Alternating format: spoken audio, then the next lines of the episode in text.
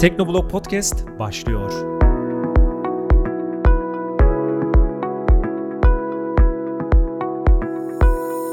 Teknoblog Podcast'a hoş geldiniz. Ben Sabri Küstür, Teknoblog Genel Yönetmeni. Uzun bir aranın ardından Teknoblog Podcast ile haftanın gündemine bakıyoruz. Ara ara Teknoblog Podcast kanalında YouTube videolarımızın e, band kayıtları oluyordu. Ancak uzun zaman sonra gündem e, değerlendirmesiyle karşınızdayız. Ve bundan böyle podcast'i tek başıma yapmayacağım. Yanımda Sinan olacak. Kendisini Teknoblog'dan haberlerle biliyorsunuz. Teknoblog'un yazı işleri müdürü Sinan. Hoş geldin Sinan. Herkese merhaba, hoş bulduk. Evet Sinan'la güzel bir e, video yaptıktan sonra kendisinin bu yeteneklerinden, içindeki cevherden e, daha fazla yararlanalım dedik ve böylelikle uzun zamandır istediğim şekilde Teknoblog Podcast'i bir karşılıklı sohbet havasında beraber gerçekleştireceğiz.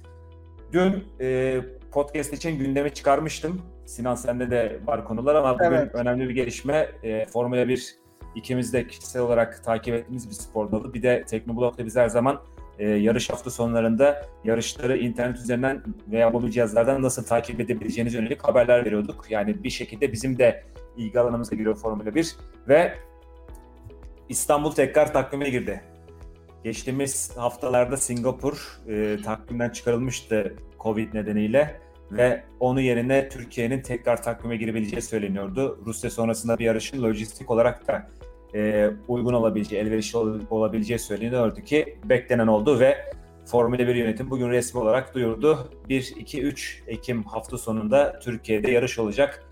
Geçtiğimiz iki yarış, yani yapılan yarış 2020'deki yarış ve 2021'de yani 13 Haziran'da yapılması gereken ancak sonra iptal edilen yarışın seyircili olması planlanıyordu. 2020 yarışını seyircili seyredememiştik. 13 Haziran'daki yarış zaten yapılamamıştı. Ancak yapılsa belki bu zamanlarda yapılabilirdi. Şimdi Ekim başındaki yarışın seyircili olması bekleniyor ve önümüzdeki haftadan itibaren de biletler çıkmaya başlayacak.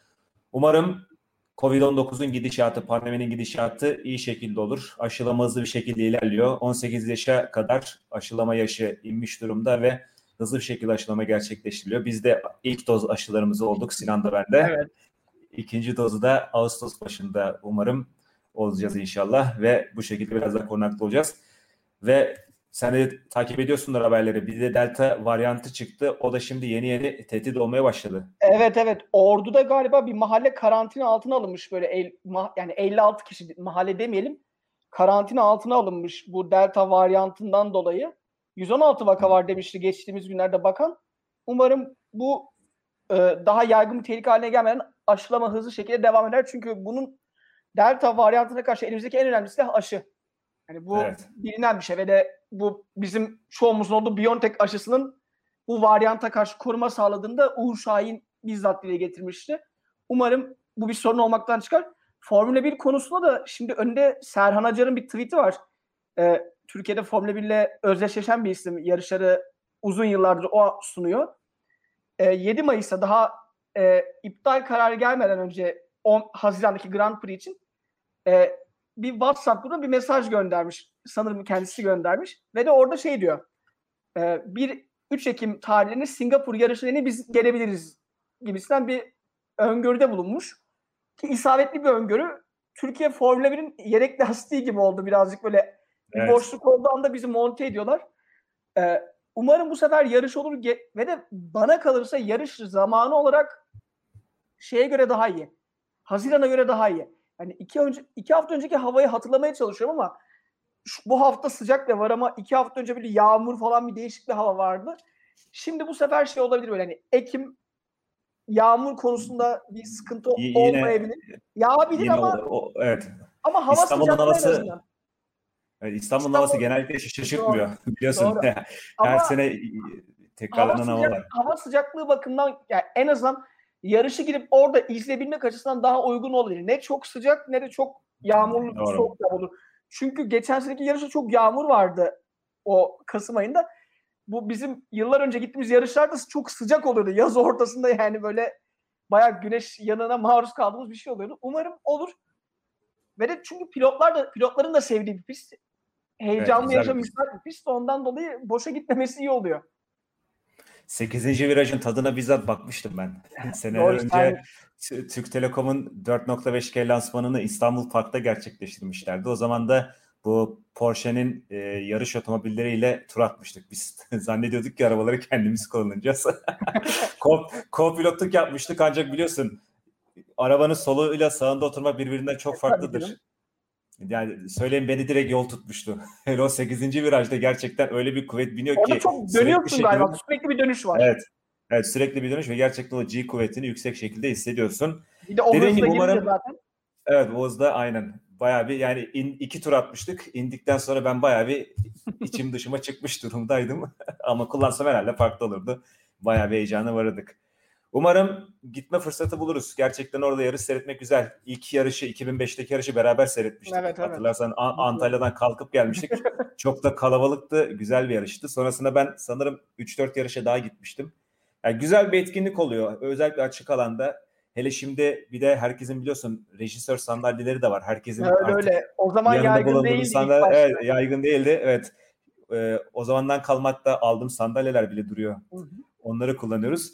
Yani gerçekten güzel bir etkinlik olur. Havada güzel olursa herkes sosyal mesafeye Bir de uyarak. takvim mesa yani takvimdeki yeri de e, şampiyonluk yarışı geçen sene Hamilton burada garantilemişti. Şampiyonluğu Evet. belki de Ekim'de de böyle çok kızışlı bir döneme denk gelmiş olabiliriz. Yani Bana sorarsan son yarışa kadar devam eder. ya, Öyle ama en azından heyecan daha çok artmış olur diyelim. Hani böyle Verstappen'le şey arasındaki heyecan daha artmış olabilir. Olabilir, olabilir. O açıdan Aynen da daha güzel bir yer. Sezon ikinci yarısı daha tercih edilebilir olabiliyor eğer heyecan varsa. Evet, aynen. Bakalım. Heyecanla bekliyoruz. Umarım e, gidişat da iyi olur ve yarış planlandığı şekilde ve seyircili olarak düzenlenir. Söylediğim gibi biletler de haftaya satışa çıkacak. Bunu söyleyelim ve esas gündemimize daha önce belirlemiş olduğumuz gündeme geçelim. Windows 11'i konuşalım.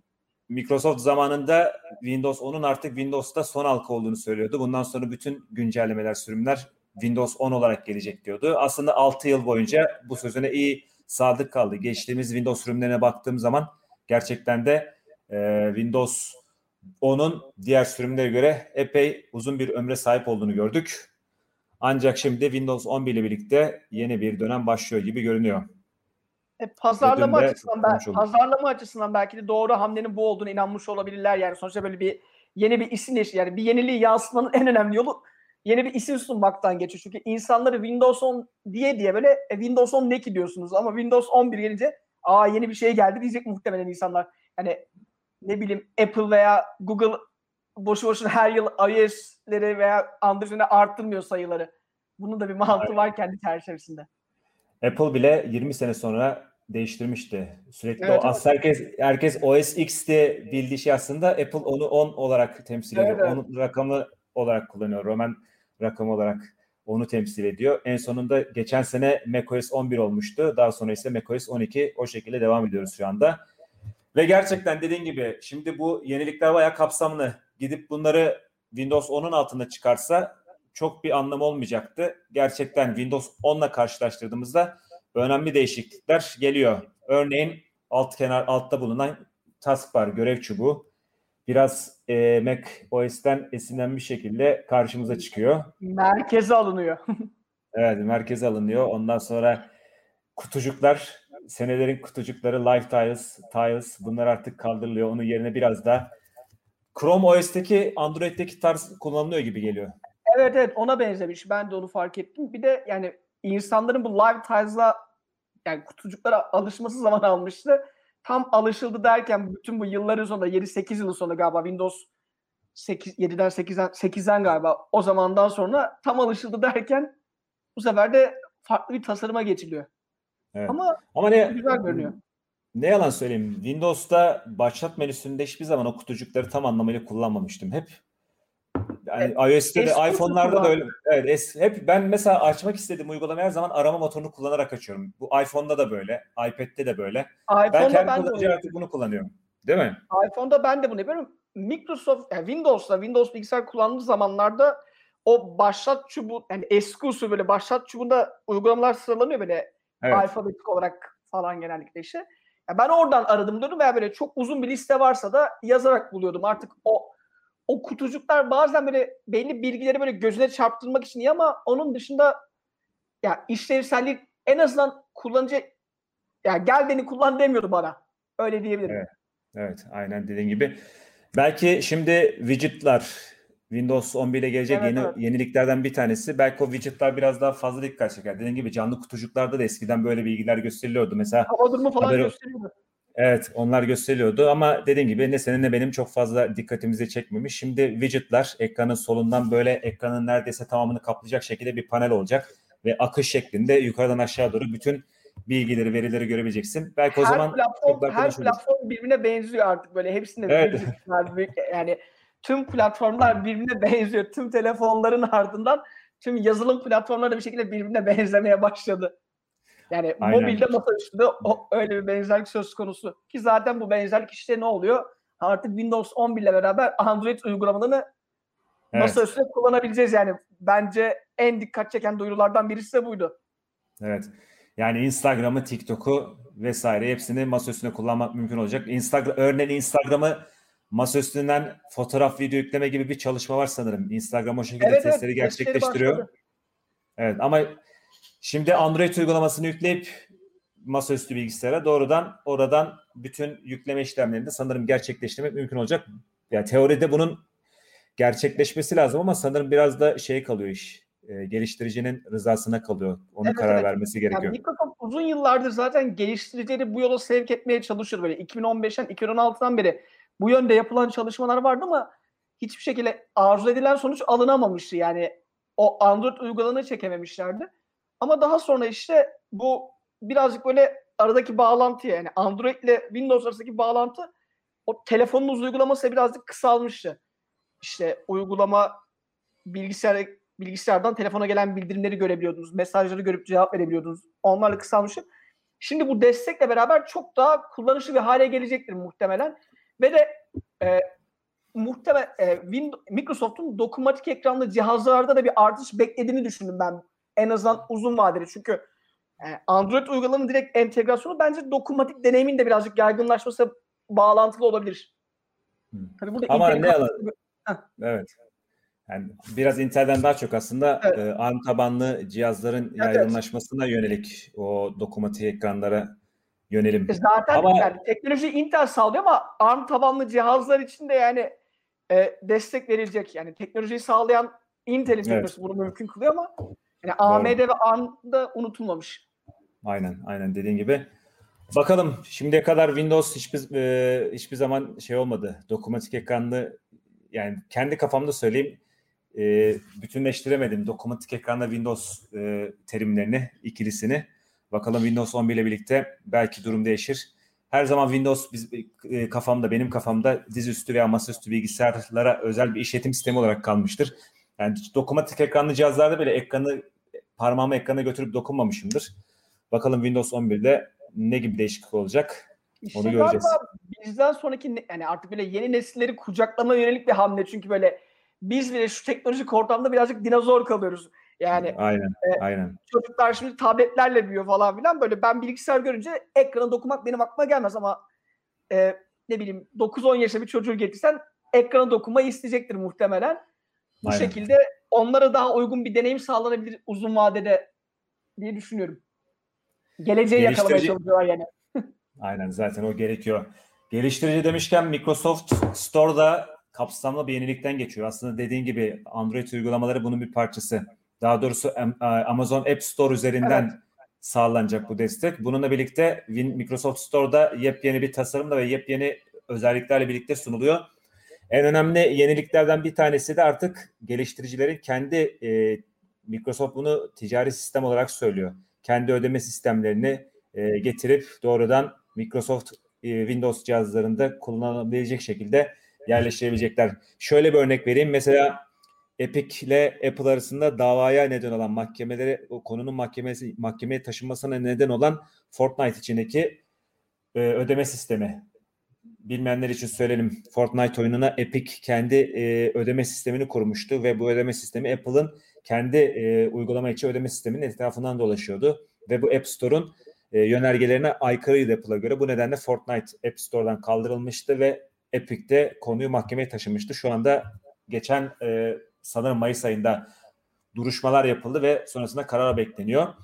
Şimdi Microsoft bu duruma imkan tanıyor diyor yani. Sanırım bu daha çok oyunlar için geçerli olacak. E, oyun için nesneler çok böyle nesneler çoğunlukla oyunlarda satılıyor bildiğin gibi. Ama oyunlarda yani oyunlarla konu galiba hala birazcık muğlak böyle. Çünkü bir, bir iki yerde o tarz bir şey gördüm ama ya hı hı. ne olursa olsun e, uygulama geliştirici yani geliştiriciler için cazip bir şey. En azından evet. yani gel benim mağazamda uygulamanı hem daha daha çok şey daha kolay şekilde ulaşır hem de aboneliğini direkt benim üzerimden sat parasını kendin al. Çünkü geliştiricilerin yani he, ve de en büyük de derdi bu. Yapılan kesintiler. Aynen. Hepsi bunu yani Spotify'ından Netflix'e kadar hepsi bundan muzdarip durumda. Ama bir yandan da yani biraz böyle belki dinleyenler kapalı sistemli savunuyorsun diyebilir ama yani Google da bunu şey yapıyor galiba. Bir yandan da belli bir kalite standartını tutturmak için en azından o şeyi de korumak gerekiyor. Yani belli kurallar çerçevesinde hareket etmesi gerekiyor mağazaların kalite ve güvenlik açısından. Ama tabii Microsoft bir şey düşünmüştür, vardır birlikleri. Şöyle söyleyeyim, Apple'la Google'un burada sağladığı kolaylık oluyor aslında. Doğrudan evet, bir tıkla girip alıyorsun. Tekrardan kredi kartı bilgilerini vesaire girmene gerek yok. Çünkü çoğu kullanıcı muhtemelen mesela iTunes için söyleyelim, App Store için söyleyelim. Çok kullanıcının Apple kimliğiyle eşleştirilmiş bir kredi kartı vardır. Sonuçta bir şey Doğru. şey satın almak istediğinde satın al deyip kimlik doğrulama yaptıktan sonra satın almayı gerçekleştirir. Eğer uygulama dışından bunu yapmaya kalkarsa geliştirici çok kolay bir şekilde çekemeyecektir. Ve bu da sonuçta yani sürümden kaybetmeye neden, neden olacaktır. Doğru. İşte Öyle Microsoft bir... da Microsoft da bunu yapıyor ama Microsoft ben bir şey kazanmasam da olur diyor evet, muhtemelen. Sen yeter ki sen yeter ki gel diyor. Ben sana gerekli ortamı sağlayayım. Sen kazanacağın kadar kazan. Belki sonrasında ne olur bilmez. Bakalım bu, bu taktik tutacak mı? Ben oyunlar için tutar diyorum. Oyunlar için tutar çünkü oyunlar biraz da en azından Windows cihazlar için daha uygun bir ortam. Sonuçta Tabii doğru. Roblox diyelim, Minecraft diyelim bunlar Microsoft'un yani PC'lerde oynanan oyunlar ve penetrasyonu da yüksek PC platformunda. Bu gibi içerik e, oyunlar için uygulama içi satışlar ve böyle bir sistem olması ve Microsoft'un da kazancından feragat etmesi belki geliştiricileri, oyun geliştiricilerini Microsoft'un platformuna daha çok çeker. Ve umarım Microsoft Store'un bu yeni haliyle de daha fazla uygulamayı görürüz. Mesela Chrome, Firefox bu gibi uygulamaların da doğrudan Microsoft Store üzerinden indirilmesi çok daha iyi olur. En azından gidip ben mesela yeni bilgisayar elime geldiği zaman ilk yaptım Chrome'u indirmektir. Ondan sonra bunu doğrudan Microsoft Store'dan yapmak hoş. Hani Chrome'u indirip yüklemek çok zahmetli değil ama bunu gidip şeyden yapmak ya sonuçta bu mağaza deneyimine alışmış mağaza deneyimine alışmış durumdayız artık. Değil mi? Aynen. Öyle Aynen. Kesinlikle doğru. Kesinlikle. Bu arada mağaza Ma- demişken ben de bekleme yapayım. Böyle artık Microsoft mağazanın yeni bir konuğu var böyle. Skype bundan sonra Windows 11 ile beraber e, ön yüklü olarak sunulmayacak. Mağazadan indirilecek. Yani Microsoft'un 8,5 milyar dolar vererek satın aldığı bir platform. Ve de aslında bakınca günümüz geleceğe görülerek, geleceğe görüp yapılmış bir yatırım. Ama Microsoft Teams yükselirken Skype yerinde saydı. Ve de e, oyuncu değişikliği yaptılar artık Windows 11'de Microsoft Teams entegre olacak. Ön yüklü Hı-hı. gelecek. Skype bu sefer yedek kulübesine bekleyecek. Eğer kullanmak isteyen varsa mağazadan indirecek. Bu da önemli bir değişiklik. Windows 11'in getirdiği değiş- değişikliklerden biri. Evet. Öyle diyeyim. İlginçtir. Microsoft'un elinde Skype gibi bir araç varken yani yerleşik bir araç varken ve belli bir kullanıcı kitlesine sahip olan, kullanıcı alışkanlığına sahip olan bir araç varken Teams'e yöneldi ve gerçekten de biraz da kurumsal etkili. Sonuçta Teams'i bayağı bir evet, evet. kurum kullanıyordu. O kurumlardan gelen alışkanlık belki biraz da Skype oraya yani, entegre edemediler galiba. Benim düşüncem o yönde. Yani bir de yani Skype... eski plat, evet eski platform olduğu için geliştirmek de o kadar kolay değil. Belki hani Microsoft Teams daha yeni bir platform olduğu için belli şeyleri yapmak evet. çok daha kolay olmuştu. Bir de dediğim gibi kurumsal kullanıcılar yani şirket çalışanları Microsoft Teams'i kullanan benim çevremde de epey fazla. Evet evet benim de. O Teams deneyimini özel hayatlarına taşımak istemeleri de daha mantıklı. Belki Microsoft da bunu düşündü ve bunu da o açıdan Zoom öne geçiyor çünkü bu Değil kişisel de, yani özel deneyimdi çünkü yani ben kendi arkadaş so- toplantılarımdan biliyorum bu pandemi döneminde yaptığımız. Biz onları Zoom'da yapıyorduk. Neden? Çünkü e, herkes beyaz yaka değil. E, erişim evet. bakımından Zoom daha kolay bir platformdu. Ondan dolayı Zoom'a gidiyorduk böyle yani. Evet. Ama Skype'ın şu noktada sıyrılamamış olması çok ilginç. Çünkü kimse yokken Skype vardı ve de özellikle yurt dışında yaşayanların bir numaralı dostuydu Skype belki zamanında. Hem telefon hizmeti olsun hem de görüntülü görüşme olsun. Ama evet. en çok popüler olacağı zamanda tamamen taca çıktı.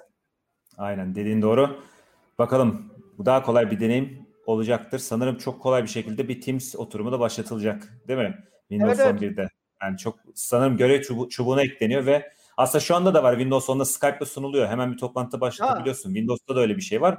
Şimdi Skype'ın yerine Teams sunuluyor. Biraz daha iyi bir deneyim, güncel bir deneyim. Kullanıcıları bekliyordur. Mac'lerde altta FaceTime ikonunu gördüğümüz gibi Microsoft'ta da Teams evet. ikonunu göreceğiz artık. Evet, evet, evet. Aynen o, o şekilde olacak. Şunlara da bilgi olarak verelim ve geçelim daha sonra. Mesela ne var? Windows o, Windows 11 Home kurulumu için bundan böyle Microsoft hesabı giriş yapmak gerekecek. Yeni Windows bilgisayar alıp kurulmuş olanlar bilirler. Microsoft hesabı kurmak zorunlu değildir. İsterseniz yerel hesapla devam edersiniz. Ancak Windows 10'un sonraki sürümleriyle birlikte yerel hesap girişi yapmak biraz daha zorlaştırılmıştı. O ayarı bulmak kolay değildi. Şimdi Windows 11 Home sürümüyle en azından yerel hesap kullanımı yani yerel hesapla kurulum yapma tamamen kaldırılıyor. Microsoft hesabı zorunlu hale getiriliyor. Ancak sonradan Microsoft hesabı yerine yerel hesapla kullanıcı giriş yapmak seçilebilecek. Bu bir ayrıntı. Sistem gereksinimler açıklandı. 64 bit işlemci evet. gerekiyor. Bu da Windows için artık 32 bit işlemci desteğinin sonu anlamına geliyor. Ancak gereksinimler çok yüksek değil. 4 GB RAM yetiyor mesela. Ee, bunun dışında yine internet bağlantısı gerekiyor söylediğim e, olaydan dolayı. Ve gelecek hafta itibariyle beta sürümü en azından ön izleme Microsoft beta yerine ön izleme terimini kullanmayı tercih ediyor. Preview diyor. Ön izleme sürümü gelecek hafta sunulacak. PC Health Check diye bir uygulama var Microsoft'un Teknoblog'da ilgili haberde var. Onu hatta teknoblog.com'da bu e, yazıyı, bu podcast'i teknoblog.com üzerinden dinleyenler de altta görebilirler bağlantısını. ilgili haberi. Oradan PC Health Check uygulamasını indirip Windows sistemlerinin destekleyip desteklemediğini görebilirler. Ve tıpkı Microsoft'un Windows 8'den Windows 10'a geçişte yaptığı gibi Windows 10'dan da Windows 11'e geçiş ücretsiz olacak. Ama bakalım bu ücretsiz fırsat sürekli geçerli olacak mı? Bildiğin gibi Windows evet. 8'den 10'a geçiş belli bir süre sonra ücretli değil, ücretli olmaya başlamıştı. Bakalım aynı durum Windows 10'dan 11'e geçişte de geçerli olacak mı? En azından bir yıl falan ücretsiz tutarlar diye tahmin ediyorum. Çünkü muhtemelen, yani muhtemelen. O, o insanların geçişine teşvik etmek açısından o gerekli bir hamle gibi geliyor. Evet ve yıl sonuna doğru da Windows 11 yayınlanacak bunu da söyleyelim. Ben de e, bir tane test bilgisayarını ayırdım. Windows 11 zaten Windows Insider programına kayıtlıydım ama bir daha bir kontrol edeceğim. Belki Windows 11 için tekrar kayıt olmak gerekiyor mu gerekmiyor mu onu da bilgilendirmesini yaparız. Hı hı. Windows 11'i aslında kuran kurdu. Birçok teknoloji sitesinde bir, e, YouTube kanalında gördük ama bir de biz deneyimleyelim ve ön inceleme şeklinde Windows 11 ile ilgili izlenimlerimi en azından ben ilerleyen zamanlarda yakın zamanda diyeyim yayınlamayı planlıyorum. Eklemek istediğim bir şey var mı Windows Yok, 11 ile ilgili? Galiba bayağı uzunca yani genel evet. önemli noktaları değindiğimizi düşünüyorum ben de. Aynen. Devam edelim. Huawei'ye geçelim. Huawei bildiğin gibi bu ayın başında Harmony OS'i tanıtmıştı. Aslında şöyle söyleyeyim. Harmony OS 2 olarak adlandırılıyor. Evet. Harmony OS 2019 yılında tanıtılmıştı. Evet, 2019 yılında tanıtıldı. Evet, evet. Ama o zamanlar telefonlara odaklı değildi. Biraz daha şeydi. Ee, diğer akıllı ev, internet, akıllı ev, evet, evet, evet, televizyon, akıllı ev onun Hı-hı. gibi biraz daha platformlara odaklıydı. Şimdi ise e, biraz da akıllı telefonlara doğru kayıyor. Bir EMUI'nin ses... yerini alıyor gibi. Evet akıllı telefonlarda öyle dediğin gibi. Aslında yine Android tabanlı. Temelinde evet, evet. Android var ama biraz da artık e, öz, EMUI biraz da kullanıcı arayüzüydü. Şimdi e, HarmonyOS daha çok böyle bir işletim sistemi. Biraz da alt katmanlara inmiş özelleş, e, özellikler barındıran bir işletim sistemi ama yine Android uygulamalarını desteklemeye devam edecek. Yani şu anda EMUI 11 için mesela bir uygulama geliştirmiş olan e, geliştirici aynı uygulamayı HarmonyOS'te de çalıştırabilecek ek bir e, masraf gerekmeyecek. E, bu önemli zaten geçiş kolaylığı şart olan bir şey zaten bu platform değişikliklerinde. Yani tabii, az önce tabii. Microsoft'ta bahsettiğimiz, Windows'ta bahsettiğimiz durum burada da geçerli. Aynen. Hem kullanıcı hem Ve, geliştirici için. Evet yani zaten o kadar geliştirici geliştiriciler için yatırım yaptıktan sonra onları bir platforma çekip evet, birçok evet. çalışma yaptıktan sonra hadi biz şimdi yeni bir platform geliştiriyoruz. Baştan aşağı hepsini yeniden yapıyoruz denilemezdi. Ki Android... çok kısa sürede iyi iş yaptılar yani çok geliştirici çekmeyi evet, başardılar. Evet aynen dediğin doğru. Özellikle yerli geliştiriciler açısından evet, evet. bugün Huawei App Gallery'e baktığımızda epey fazla miktarda uygulamanın olduğunu görüyoruz. Ben evet. sesin bir yankın geliyor. Senin sesin bilgisayarın sesi çok mu açık? Kendi Yok, sesini benim, duyuyorum. Bilmiyorum benim çünkü kulaklıkta zaten şey var. Bende bir açıklık yok aslında normal bir seviyede. Bir bilgisayarın sesini bir tam bilgisayarın sesini bir tam kıssan Kıstım şu anda. Bir kendimi yine duyuyor muyum bakayım. Şimdi kendimi duymuyorum. Evet. Şöyle bir tık vereyim. Yani ben seni duyamayacağım öbür türlü. Evet. Benim duyacağım kadar alayım. Tamam. Devam edeyim. Heh. Sanırım sen de iyi duyuyorsun. Şu anda ben sesini. duyabiliyorum. Yani tamam. Tamam, çok güzel. Yok. Tamam devam edelim. Yani söylemek istediğim temelde yine Android ancak Huawei'nin eklediği HarmonyOS bazlı özelleştirmeler de fazla ve sonuçta ortaya e, en azından MatePad 11'e baktığımızda kullanımı zevkli. Biraz e, iPad'de, iPadOS'ten de çeşitli evet. izleri gördüğümüz bir kullanıcı arayüzü var. E, widgetların olduğu, alt tarafta dokun bulunduğu, işte e, sabitlenen uygulamalar, en son açık olan uygulamalar. Bu gibi e, niteliklerle en azından MatePad 11'de epey hoş görünüyor. E, HarmonyOS'in tablet odaklı sürümü. Telefonu evet. henüz göremedik. Evet. MatePad zaten keyifli bir tabletti. Kullanması sevdiğim bir cihazdı. Evet. Evet, devam. Görünüyor.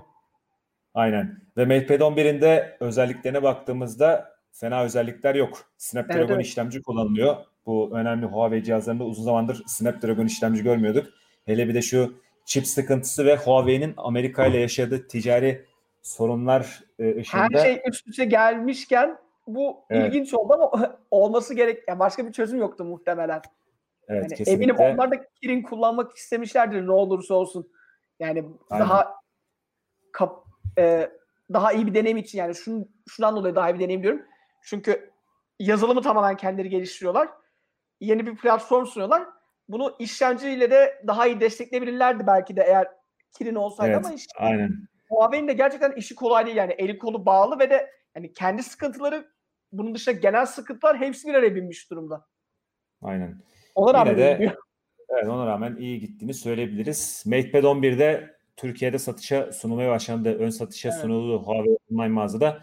4299 liralık fiyatı var. indirimli fiyat ve kalem ve tabletle birlikte e, kalem ve klavye ile birlikte de 4999 liraya satılıyor.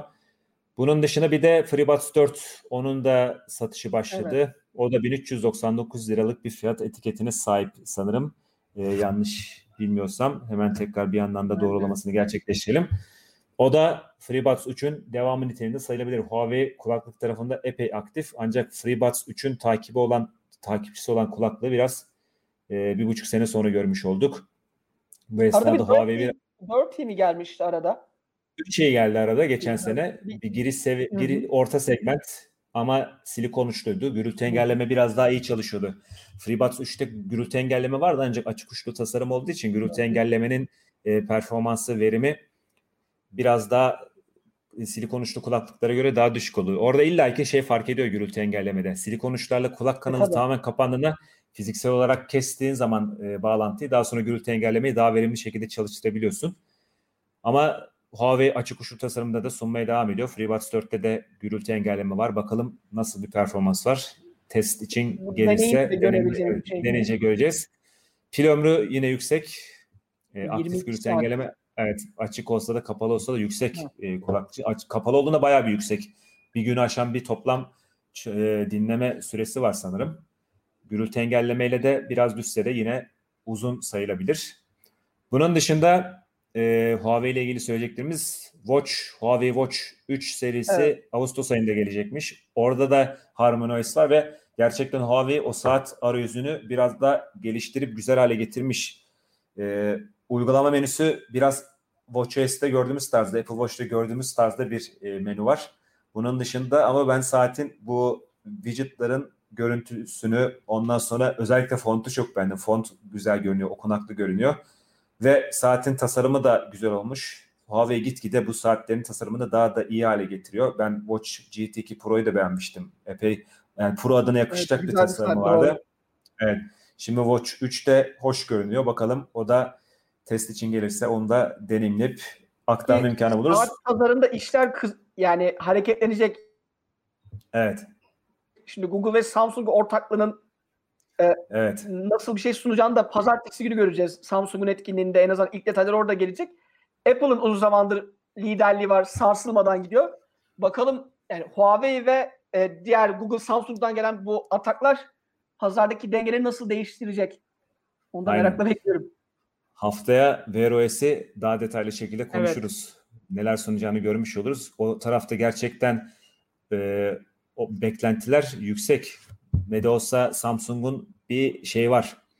Bayağı bir deneyim var. Android tarafında işin ilginç, e, işin komik tarafı yani biraz strateji komik diyelim. Android Google'ın e, platformu ancak Android ile kullanılan akıllı saatler dediğimizde akla gelen ya Evet. Samsung'un saatleri oluyor ya da hani Huawei'de Android tabanlısa yine Huawei oluyor. Yani Google'ın kendi platformuyla kendi mobil, kendi akıllı telefon platformuyla uyumlu e, kendi akıllı saat platformu evet, tutturamadılar. Şimdi Samsung'un oradaki deneyimiyle biraz daha iyi iş yapabilirler. Bir taraftan da uygulama desteği konusunda da Wear OS daha iyi durumda. Yani Evet. ikisinin birleşiminden gerçekten iyi bir sinerji doğabilir. Evet. Bakalım Hedefleri olacak mı bakalım Evet. göreceğiz. Evet. O- o- onu göreceğiz. Watch 3'te söylediğimiz gibi Ağustos'ta çıkıyor. Bir de Mate View var Huawei'nin e, ekranları. O da Ağustos ayında çıkacak. E, bakalım hepsi eğer e, elimize ulaşırsa test için deneyimleyeceğiz ve incelemelerle, video incelemelerle Belki bu arada Bunlarla ilgili- P50 serisi de gelmiş olur yani. Evet, P listesinde umarım görmüş oluruz. Artık yani P serisi için pencere, zaman penceresi epey daraldı. Çünkü Mate serisini son- sıkıştırdı. Evet, Mate serisini sıkıştırdı. Huawei için Belli olmaz o takvim- da yani işte. şöyle bir şey olur mu acaba? Yıl sonunda P serisini tanıtıp artık yıl ilkbaharda Mate serisi değişti. Belki yani öyle bir şey doğal bir Belki, olabilir belki mi? olabilir. Yani farklı farklı kaynaklarda, yabancı kaynaklarda belki Mate serisini bu yıl pas geçme ihtimalleriyle bahsediyor. Çünkü bu yıl zaten 2021'i ben biterken pas geçme yılı diyeceğim. Yani Samsung Note serisini pas geçiyor. İşte Huawei Mate'i pas geçebilir deniyor. Bütün bunlar olursa pas yıl olacak muhtemelen. Aynen dediğin gibi bakalım. En son haberler P serisiyle ilgili sen yazmıştın sanırım. P serisiyle ilgili beklentiler. Yani gösterdiler de aslında bir cihazın neye benzeyecek hakkında fikrimiz de var aslında yani. Evet. Bir gördük arka ka- e, kamera tasarımı bayağı değişik. Hı. Sanırım yine e, tanıtımla ilgili sonbaharı falan söylüyorlar. Öyle bir Yani işte- konuşmalar da vardı. farklı farklı tarihler geçiyor. Sonbahara sarkacak gibi de gelmeye başladı benim. Evet. Belki de o Samsung'un işi Samsung'u Ağustos'ta tanıtacak. Belki onlar da o dönemde tanıtıp sonra çıkartırlar. Göreceğiz artık. Evet. Tabii sonbahar deyince aklımıza gelen- Apple geliyor. Apple, iPhone oluyor ve son Evet. zamanlarda da iPhone dedikoduları artmaya başladı. Ne de olsa Eylül ayına doğru ilerliyoruz. Hazır iOS 15'te tanıtılmış. Bu arada iOS 15'in WatchOS 8'in ve iPadOS 15'in yani Apple'ın WWDC 2021'de tanıttığı ön gösterimini yaptı ve beta sürümünü yayınladı. Tüm platformlarda ikinci beta sürümleri çıktı ve ikinci beta sürümün sürümlerinin çıkmasıyla birlikte benim çok büyük merakla beklediğim bu portre saat Hı hı. kadranları geldi. Ha, geldi anda, doğru. Evet geldi. Artık portre fotoğraflarda hoş bir efekt oluşuyor ancak her portre fotoğrafta oluşmadığını belirteyim. Bunu sonra Hı hı. belki bir ya sosyal medya paylaşımıyla ya da e, zaten WatchOS 8 ön incelemesi için public beta'yı bekliyordum. Belki Hı o hı. zaman daha detaylı şekilde bahsederiz. Temmuz ayının başlarında da Apple public betaların sözünü vermişti. Neyse biz iPhone'a bakalım. Dediğim gibi iPhone için zaman yaklaşıyor. Acaba geçen sene gibi yine Ekim'de mi tanıtılır diyeceğim Bu ama sefer haber Eylül'ü gösteriyor. Yani haberler Eylül yönünde. İşte bir bize yazdık. Bir analistin öngörüsüne göre Eylül'ün 3. haftası diyor. Bu da işte aşağı yukarı Eylül'ün 12'sinde 13'üne başlayan haftaya tekabül ediyor. Evet. İşte e, bu da genelde tanıtımlar da salı günü yapıyor. Apple iPhone tanıtım etkinliklerini salı günü yapıyor. Ondan Evet. dolayı bir tarih 14 Eylül. Konuşulan tarihlerden biri Hı hı. 14 Eylül. Bir de 24 Eylül'de bir tarih gördüm ben ama o bana çok mantıklı gelmedi. Cuma'ya Evet. kalıyor çünkü Apple'lık bir şey değil o. O daha çok launch dedikleri orada. Evet, Bence evet, piyasaya o, yani çık- cihazın piyasaya piya- çıkış tarihi. Evet. Doğru. Çünkü o launch dedikleri orada İngilizce'de launch dendiği zaman Hı hı. onu tanıtım olarak da kullanan var. Piyasaya çıkış da Çıkış, olarak kullanan doğru. var. Muhtemelen orada yine 24 Eylül verilen piyasaya çıkışlardır. Amerika ve önde gelen pazarlarda Şey piyasaya çıkışlar var. sonra Evet, öbür bir hafta hafta- önce bir hafta öncesinde yani yine e, Eylül'ün ikinci haftasında Hı hı. muhtemelen iPhone'ları görme ihtimalimiz var ve tabii bunun yanında Apple Watch'u da ve muhtemelen iPad'i de görürüz diye düşünüyorum. Zaten iPad'i belki yine Ekim'e bıra- Ekim ayına bırakabilirler böyle. Apple'a belli olmuyor çünkü böyle genelde e, sıkıştırmamayı tercih etmeye başladılar bir yandan da etkinliklerde özellikle. Belli de olmuyor yani ama tabii. şöyle bir şey olabilir. Apple'ın Haziran'dan itibaren tekrar geri dönme fiziksel olarak e, ofislere geri dönme şeyi var. Evet. Hı hı. Belki şey de düzenleyebilir. Fiziksel etkinlikleri de E, düzenlemeye başlayabilir. Öyle Ya bir karar alabilir Amerika'nın şu anki durumuna bakınca bunda bir engel yok gibi geliyor bana. evet tabii başta konuştuğumuz Delta varyantının seyri ne olur bilinmez ama Doğru ama Delta varyantı aşılama artça aşı, evet Amerika'dan öyle bir şey gelmedi. Bir de ben NBA maçlarını izliyorum. Yani Aha. salonlar full kapasite aşağı yukarı. Yani maske Evet. takan var, takmayan full kapasite salonlarda oynanıyor Evet. maçlar. evet. Ondan O dolayı yüzden Apple'dan bir fiziksel etkinlik bekleyebiliriz artık sonbaharda. Belki öyle bir şey olabilir. olabilir ki normal yüzden- bu online etkinlikleri de çok güzel yap- yapıyorlardı böyle animasyonları falan çok etki- etkileyici oluyordu. Evet. Bunu izlemesi. aklı, bunu bu, bunu dediğin aklıma dün Windows etkinliği geldi. Windows 11 tanıtımı. Bir hata oldu. Böyle bir yayında galiba bir şey olmuş. Ben kaçırdım orayı da. Yayında yok kesiliyordu yayın. Yani ha. Microsoft nedense YouTube'da vermedi yayını. Kendi sitesinden veriyordu. Kendi bu sitesinden izlemek değiş, isteyenler bu inatçılık Apple'dan bekleyeceğimiz türde bir inatçılık normalde ama Apple bunu bırakalı çok oldu. e, Apple YouTube bıraktı ve ve, ve, ve, ve, ve çok da güzel oldu. Tabii canım. Gerçekten rahat bir şekilde izleniyor. Keşke Microsoft aynısını yapsaydı. Onun dışında Apple'ın etkinliğine karşılaştıracak olursak şeyde düşük kaldı Microsoft'un etkinliğinde. Yani tempo biraz düşük seviyedeydi. Neyse karşılaştırmayalım. Bunu söylemiş Evet, olalım. evet. Bana sorarsan sonbaharda Apple fizi- yani fiziksel etkinlik düzenler ve iPhone'u da öyle Eylül'de olursa belki tanıtılır. evet varsayımlar ba- bana sorarsan biraz dedikoduların çıkmasının sebebi de odur. Sonbaharda tek bir etkinlikte Apple Watch, iPad hepsini tanıtıp Hı hı. bu şekilde bitirebilir. Tabii göreceğiz. Zaman Yoğun bir geçtikçe mesai akşamı olur Evet. da bizim için. evet, bizim için o mesai akşam olur ve artık Ağustos sonlarına doğru da neyin ne olduğunu görürüz. Biraz da işler Evet, belirginleşir. Kılıf aksesuar üreticilerine gelen sızıntılar zaten Evet. o zaman iyice artmaya Evet. başlar. Aynen. Onunla beraber görürüz. Bu arada ilginç bir haber daha girdik bu hafta içerisinde. 2022 model iPhone'lar içerisinde 6.7 inç ekranlı ve biraz da ucuz fiyatlı bir iPhone beklentisi var. Şu anda 6.7 inç ekranlı bir iPhone satın almak isteyenlerin e, 16.999 lira Türkiye'de, yurt dışına 1099 dolar para verip iPhone 12 Pro Max almaları gerekiyor. Söylentilere göre 2022 model iPhone yani iPhone 14'te iPhone 12 ile eşdeğer seviyede bir iPhone 12 ile eşdeğer seviyede bir model olacak. Yani iPhone Yani- 14 iç- iPhone 14 serisi içerisinde iPhone 12 çizgisinde şu anki mevcut iPhone 12 çizgisinde bir model olacak. Öyle bir beklenti var. iPhone 13 Değil mi? Max gelecek yani öyle oluyor bu durumda yani. yani Şu anda iPhone- iPhone yok 2021'de iPhone 13 bekliyoruz. 2020, 2022'de 2022 doğru yıllar karışık. yani iPhone 14 2020 Max gelecek. 2014'te böyle bir söylenti var. O da ilginç ve gerçekten büyük ekranlı telefonların yaygınlaştığını düşünecek olursak Apple'ın böyle bir e, yola girmesi mantıklı. Zaten şirketin e, geçen yılın sonlarında ya da bu yılın başlarında bir tüketici araştırması yaptırdı ve büyük ekranlı telefonların tüketicilerin nezdinde çok daha fazla ilgi gördüğünü tespit ettiği Şurada da söylendi. araya gireyim. Ee, iPhone 13 mini, iPhone 12 mini. Evet. Ee, gelen haberlere göre bu hafta gelen haberlere göre Apple üretimi durdurdu. iPhone 12 mini üretimini durdurmuş vaziyette şu anda. iPhone 13'ün de minisi gelecek deniyor yine. Orada bir değişiklik yok ama iPhone 12 mini'nin üretiminin durdu ve de Apple'ın şu anda tamamen elindeki mevcut stokları sattıktan sonra bu modeli çıkartmayacağı söyleniyor. Doğru muhtemelen e, panel elle, elinde iPhone 12 mini ya da iPhone 13 mini üretimi için Hı hı. aldığı panel de varsa parça da varsa söylediğin gibi onları tüketip e, tamamen o defteri kapatması muhtemel. Ya şöyle söyleyeyim sanırım tüketicilerin gözünde yani o kadar fazla para veriyorum ben büyük ekranlı bir te- telefon alayım gibi bir düşünce var sanırım. O araştırmada tüketicilerin büyük bir kısmının 6 inç üzeri büyüklükte ekran barındıran Evet, telefon aldığı söyleniyordu. Ve belki de iPhone 12 mini için satışların o kadar beklendiği seviyede gitmemesinin nedeni normale göre yüksek fiyatlı bir telefon olup küçük bir ekran barındırması olabilir. Aslında o telefon küçük ekranlı telefon isteyenleri hedefliyordu. Evet. Ancak fiyat fiyatı belki yüksek kaçtığı için o kadar çok e, yüksek bir satış rakamına ulaşmamış olabilir. Küçük mesela- ekran isteyenler de bir üst modele gitti.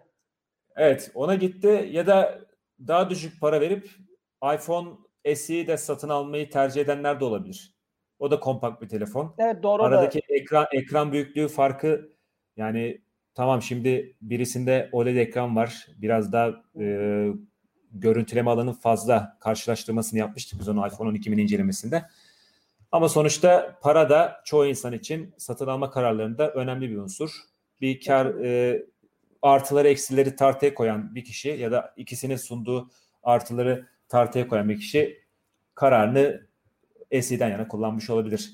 Her neyse yine de görmeye devam edeceğiz. iPhone 10 13 mini dediğin gibi onu çıkarmaya devam edecek. Ancak 2022'den itibaren iPhone mini yerine dediğim gibi Max'i görebiliriz ve Evet. muhtemelen onun kaderi de çok daha e, parlak olacaktır diye düşünüyorum. Onun Belki alıcısı daha fazla olacak gibi geliyor benim de. Evet, kesinlikle. Yani çünkü büyük ekranlı bir iPhone kullanmak çok daha kullanışlı. Kendim iPhone 12 Pro Max'i kullanıyorum ve özellikle hani benim gibi üretkenlik odaklı işlerle uğraşanlar için ben Doğru. iPhone 12 Pro Max'te sosyal medyada paylaştığımız videoları da düzenliyorum. Yani benim için oldukça kullanışlı oluyor. Başka işler için aynı şekilde. Sen de iPhone 12 kullanıcısın. Sen de büyük ekran biraz daha kullanışlı oluyor Ya- senin için de. Bakalım Yıllar boyunca böyle alışmışız aslında hani küçük ekranlardan bu noktaya geldikten sonra böyle birazcık zor oluyor daha küçük bir ekrana geçmek. Çünkü yeterli alan olmuyor. işleri daha rahatça yapabilmek için alan olmuyor. Bir de göz, görmekte zorlanıyoruz hakikaten bir yandan da yaş itibariyle belki de bize de yakın görmeye başlamıştır bilemiyorum. ha, Hani kolay olmuyor yani kullanmak. Ondan dolayı bizde biraz ama biraz 6 da inç evet, ekran önemli oluyor.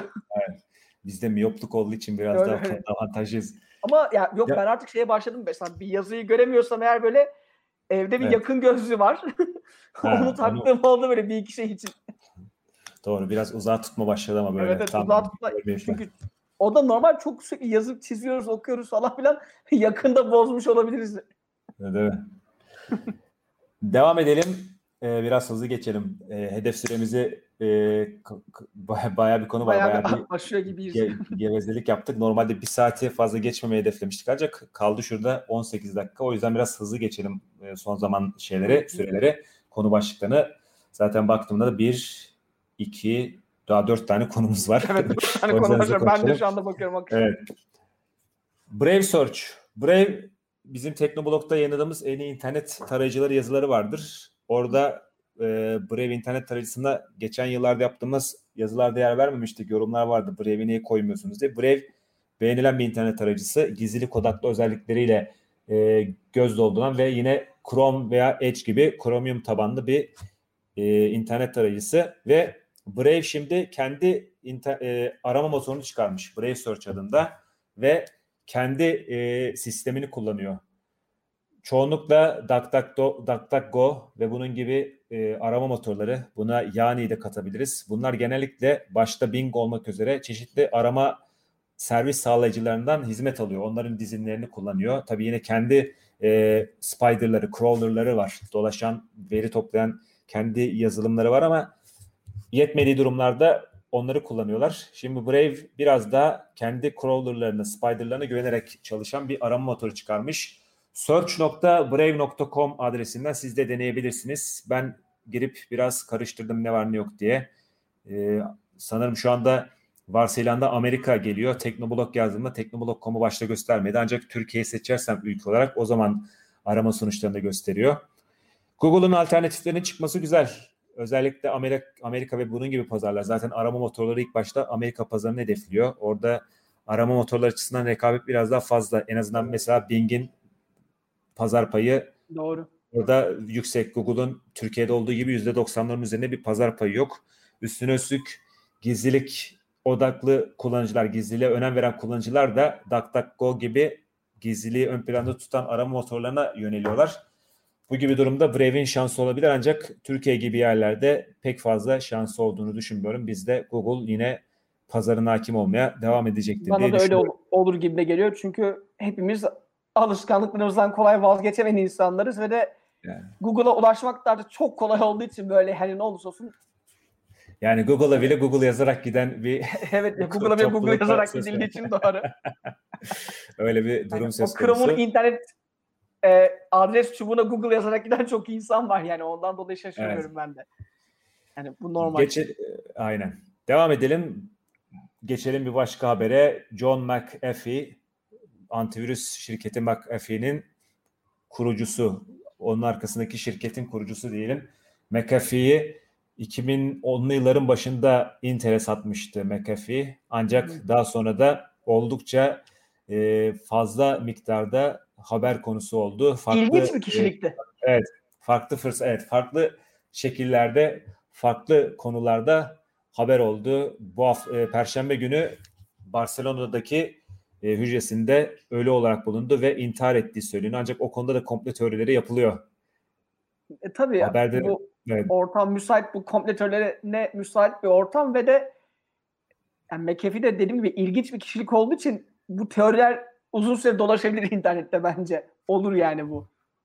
Aynen. Çünkü çok renkli ve hareketli bir hayatı vardı yani son bu şirketi sattıktan sonraki dönem o kadar şey o hareketliydi ki böyle ben hatırlıyorum öyle bir sürü haberini yaptık böyle farklı ülkelerde tutuklanma, Amerikan başkanlığa adaylık koyma Evet. yani ne ararsan var aslında.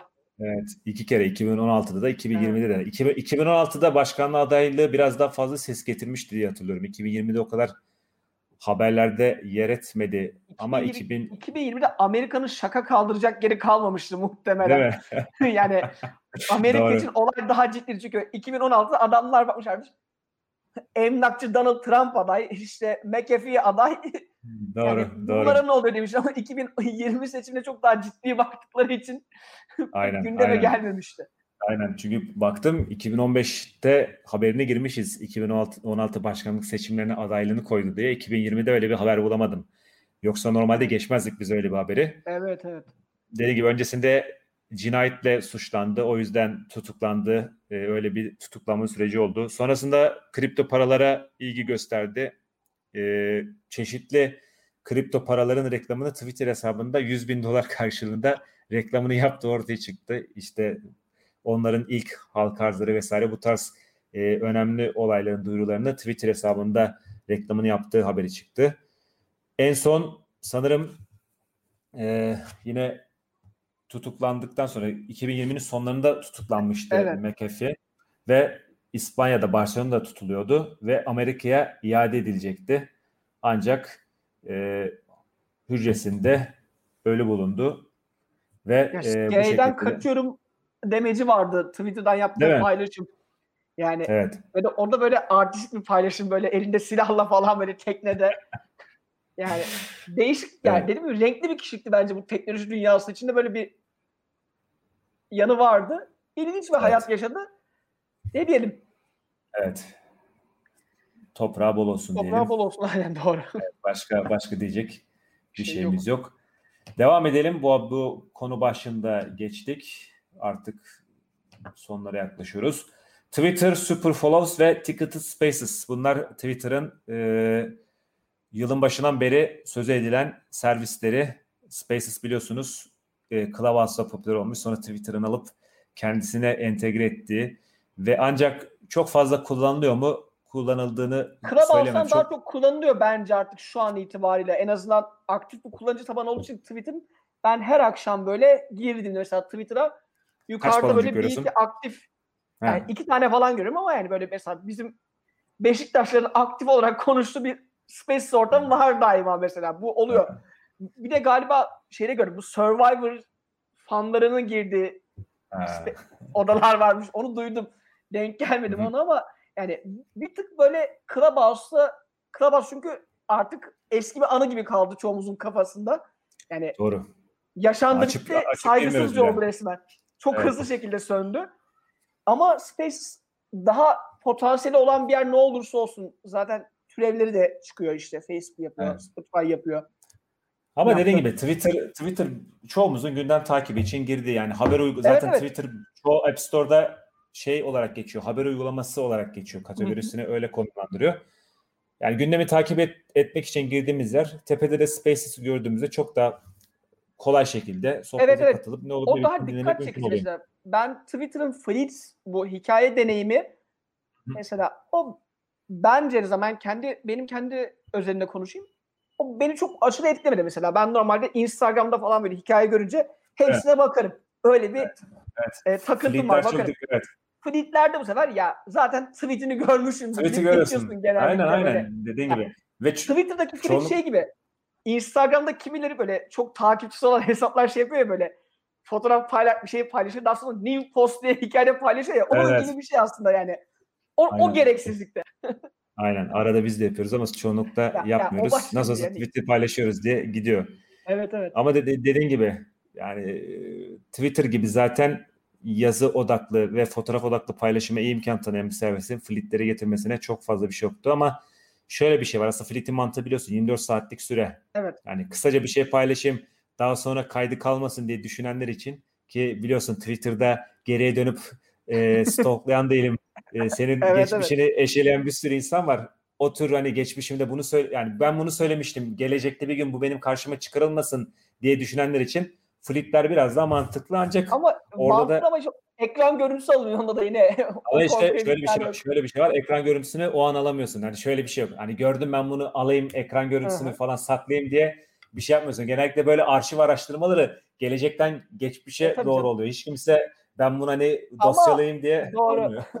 Ama artık günümüzde artık yani es, bazı linkler mikrodalgadan çıkıp geliyor ama bazıları da sıcak servis ediliyor böyle anında görüntü şeklinde. Çok Evet. daha hızlı reaksiyonlar oluyor böyle. Ben çünkü gündeme bakıyorum şimdi. Twitter'dan konuşuyoruz diye şey yapıyorum. Gündeme hı. bakıyorum. Alakasız bir insanı görüyorum. Allah Allah diyorum böyle hani gece vakti görünce özellikle başına bir şey mi geldi falan diyorsun ilk başta. Daha sonra bakıyorsun çok alakasız bir şekilde linç ediliyor oluyor orada böyle çok alakasız bir Evet. şekilde. Öyle bir durum. Evet, Twitter, Space'le Twitter ilgili bu- bir, biletli şeyler, ticket space ile ilgili de bence iyi bir gelir modeli olabilir. Potansiyel olan bir model olduğuna inanıyorum ben. Ticket space çünkü özellikle kurumsal markalar için ya, bir etkinlik yapmanın bir kolay bir yolu bence Doğru. bir yerde. Konser, konser vesaire o tarz şeyleri yapabilirsin. Yani Konser, konferans. evet ben konferans güzel. konferansları çok kıymetli görüyorum.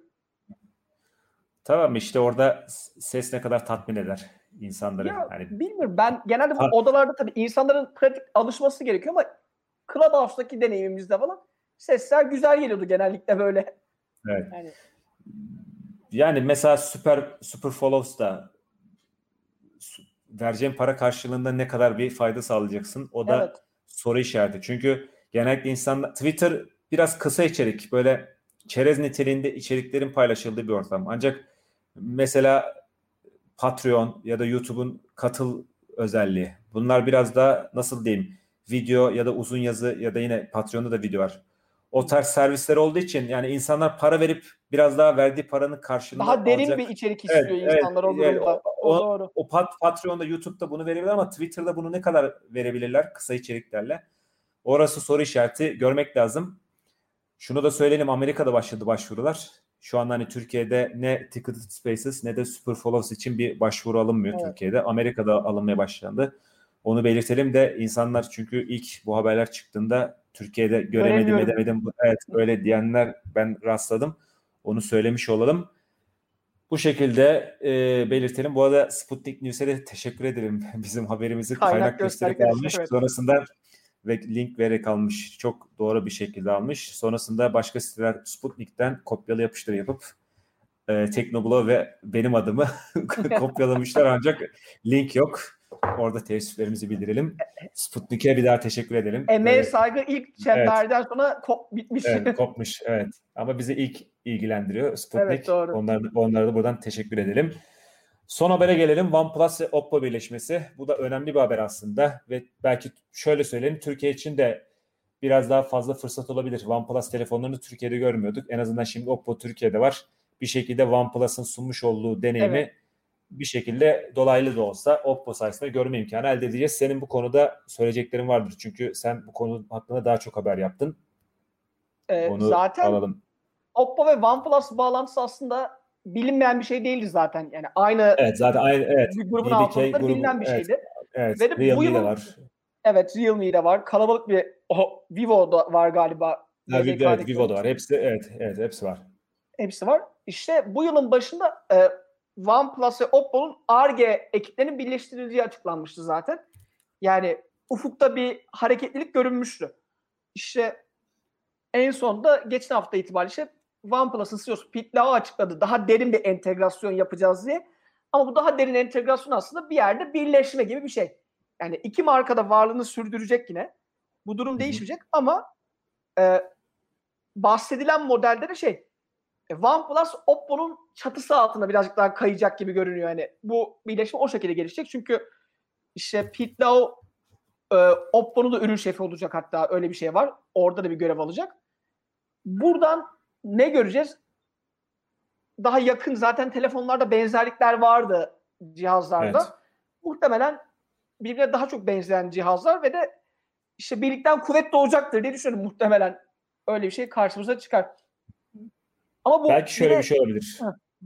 OnePlus, OnePlus Oppo'nun bir serisi haline gelebilir mi? Öyle bir şey olabilir mi? o da Belki öyle bir şey olabilir.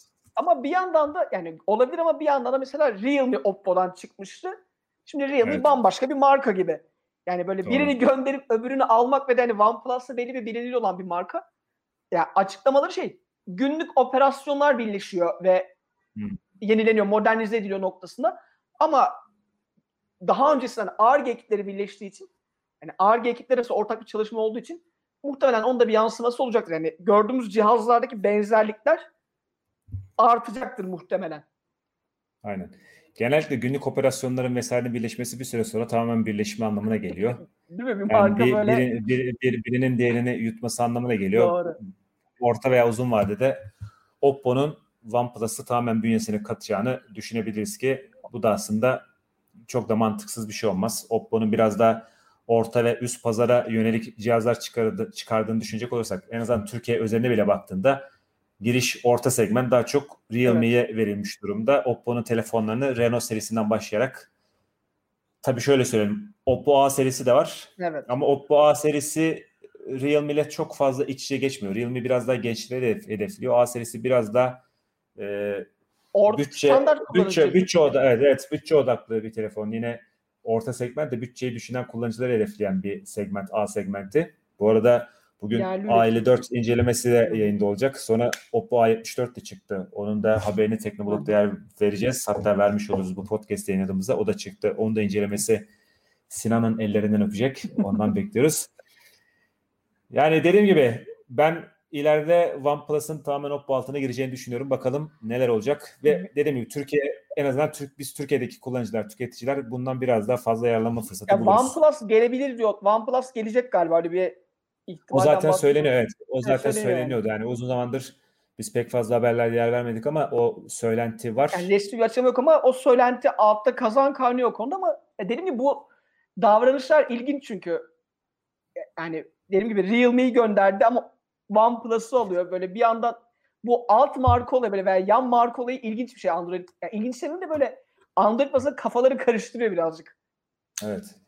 Yani genelde her zaman o bir, bir hedefe doğru odaklanma iyidir ama şirketler belki de büyük bir Pazar da çok büyük. Ondan Evet, dolayı pa- pa- pazar çok büyük. Böyle çeşitlendirme yapmaya gidebiliyorlar. En azından belli markalarla belli pazarda e, marka algısı oluşturmak da var. evet. Hani mesela markanı üst sınıfa konumlandırırsın. E, alt sınıf. O verdiği öyle bir- örneği çok güzel bir örnek. Yani gençlere yönelik bir Evet. Realme öyle. Marka. OnePlus'ta biraz da OnePlus şey ya biraz da OnePlus'ta performans odaklı. OnePlus Yine amiral gemisi flagship katili evet öyle çıkmıştı ama sonrasında onlar da şey döndü. Orta segment telefon çıkarma yoluna onlar da gitti. OnePlus Nord serisi telefonları çıkardılar. doğru. Yani bakalım ilginç gelişmeler olacak gibi görünüyor. Biz de Evet, evet. izlemeye devam edeceğiz. Bu arada Huawei de Türkiye'de üretime başlayacak diye haber çıktı. Fabrika açma niyeti varmış. O da muhtemelen katılacak yerli üretim yapan Çin merkezi şirketler arasında göreceğiz. Bu grupta Xiaomi kalabalıklaşıyor. Evet Xiaomi, Oppo, Realme de onunla katılım Evet. Oppo ile beraber. TCL var. TCL var, TCL var. Yani yerli üretim yapan daha fazla üretici görüyoruz. Bu da öncelikle şirketlerin yararına vergi yükünden özellikle gümrük vergisi yükünden kurtulmuş oluyorlar. Fiyat konusunda da biraz da aşağı çekilebiliyor aslına bakarsan. Çünkü mesela Realme C21 çıktı. 2000 liranın altında fiyatı çıktı Realme C21. Evet, evet. Yer, yerli üretim olmasının avantajını orada görüyoruz. Çünkü geçen sene bu zamanlarda 2000 liranın altında bir telefon bulmak o kadar kolay değildi. Yani kura baktığımızda kurun geçen yılın e, Eylül ayıyla Eylül ayıyla karşılaştığımızda aşağı yukarı yine 8 lira bandındaydı o zamanlarda. Fiyatlar 2000'lerin üzerine çıkmıştı. Bu yerli üretim sayesinde biraz fiyatlar 2000 liranın altına düşmüş oldu. Bakalım zaten Huawei'de üretim daha çok giriş orta segment telefon için planlıyordur o da. Sonuçta Muhtemelen pazar doğru. Türkiye'de o Doğru. pazar Türkiye'de o tarafta biraz e, aktif. Doğru. Talep orada fazla. Bakalım göreceğiz. İlginç gelişmeler bizi bekliyor. İlerleyen zamanlarda hem haberlerimizi hem de böyle gerçekleştirdiğimiz podcastlerle bahsederiz. Evet saat bir saati Bir doldurduk. saatte konuları tamamlamış Evet. olduk bu arada. Evet. Yine Tamamladık. senin bahsettiğin hedef o Evet. tuttu. Çık- çı- çıkardığımız gündem gündemi tamamladık ve beraber gerçekleştirdiğimiz ilk podcast'te tamamlamış olduk.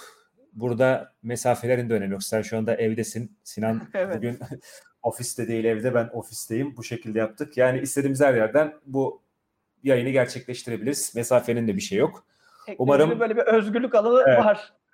Umarım her hafta bunu yapma imkanı buluruz ki ben yapma taraftarıyım ki sen zaten bu Umarım konuda teveccüh de gösterirse dinleyicilerimiz. Evet umarım umarım böyle e, ilgi gösterirlerse çok daha ileride e, daha şekli zaten şu anda da şekli yapıyoruz. O, o tarafta bir sıkıntı bizim yok yani da. kendi aramızda konuştuğumuz bir ko- yani Evet, kendi aramızda konuştuğumuzu sizlere dinletmiş oluruz evet, aslında bir yerde. Sonuçta her gün ofiste beraber çalışırken bu konuları konuşuyoruz. Onları biraz daha dediğiniz gibi bir yazı işleri toplantısı havasında yapmış olduk. Biraz haftanın gündem değerlendirmesi yapmış olduk. Burada konuştuklarımızı daha fazlasını Teknoblog.com'da e, haberlerimize bulabilirsiniz. 7 gün 24 saat e, haberlerimizle yanınızdayız. Teknoblog.com'u eğer eklemediyseniz favorilerinize eklemenizi ve etrafınızda eşe, dosta, akrabaya yaymanızı tavsiye ederiz, rica ederiz. Aynı Evet. şekilde Teknoblog YouTube kanalında videolarımız var. Bundan böyle Sinan'ı da YouTube videolarında daha fazla göreceksiniz. evet izlemediyseniz en son Casper e, Teknosa işbirliği videosunu izlemenizi tavsiye ederim. Sinan'ın da ilk kamera arkası, hoş aslında ilk kamera Kamera- kamera, deneyimi, kamera önü deneyimi değil aslında çünkü daha önce e, geçen sene böyle bu tarz e, karşılıklı sohbet yaptığımız bir Hı. iki inceleme olmuştu. Onlar da Ama güzel işlerdi. bu daha farklı bu sefer Evet. tam kamera önü bu Produ- sefer. evet, bu prodüksiyonlu bir iş oldu. güzel oldu. Ee, Casper'ın da böyle bir hizmeti var onu da söyleyelim. Videoda detaylarını bulabilirsiniz. İstediğiniz bilgisayarı konfigüre edip ya mağazadan ya da tek e, adrese teslim Evinize. alabiliyorsunuz. Evet evinize gönde- gönderilebiliyor. Detayları videoda youtube.com slash teknoblog'da onu da görebilirsiniz. Neyse ben uzatmayayım. Söyleyeceğim son Yok. sözleri alayım. Yok söyleyeceklerim bu kadar benim. İyi günler diliyorum herkese. Evet, dinlediğiniz için teşekkürler. Yeni bir programda tekrar görüşmek üzere. Hoşçakalın.